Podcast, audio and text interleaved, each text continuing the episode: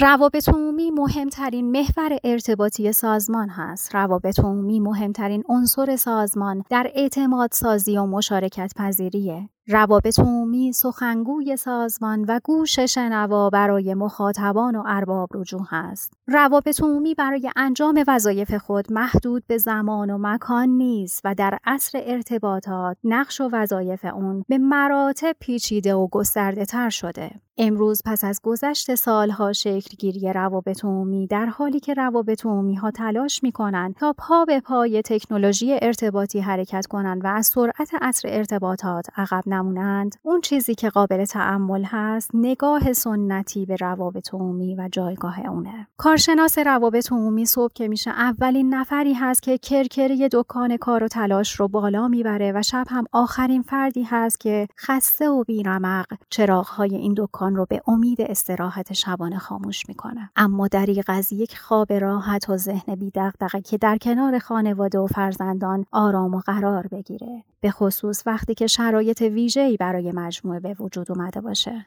کارشناسی که هنر، مهارت و تخصص رو با هم به کار می‌گیره تا در اطلاع رسانی فعالیت های سازمان خود اتفاقات خوبی رو رقم بزنه. کارشناسی که باید سنگ صبوری برای ارباب رجوع باشه و گوشی برای شنیدن مشکلات اونها. روابط عمومی مدافع حقوق سازمانه اما از ابتدایی ترین حقوق خود که همون جایگاه سازمانی متناسب با وظایف بی بهره است. از کدوم دغدغه روابط عمومی باید گفت ساختار سازمانی و اداره‌ای بدون پست متناسب با شرح وظایفش کمبود نیروی انسانی متخصص، کمبود امکانات سمعی و بسری و سخت افزاری و نرم افزاری، اضافه کار، درگیری شبانه روزیش، همیشه برخط بودن و پاسخگو بودنش، تلاش برای ایجاد و حفظ جایگاهش، نمی‌دونم. خلاصه روابط عمومی راهی هست برای بهتر زندگی کردن و راهی برای زندگی بهتر در محیط کار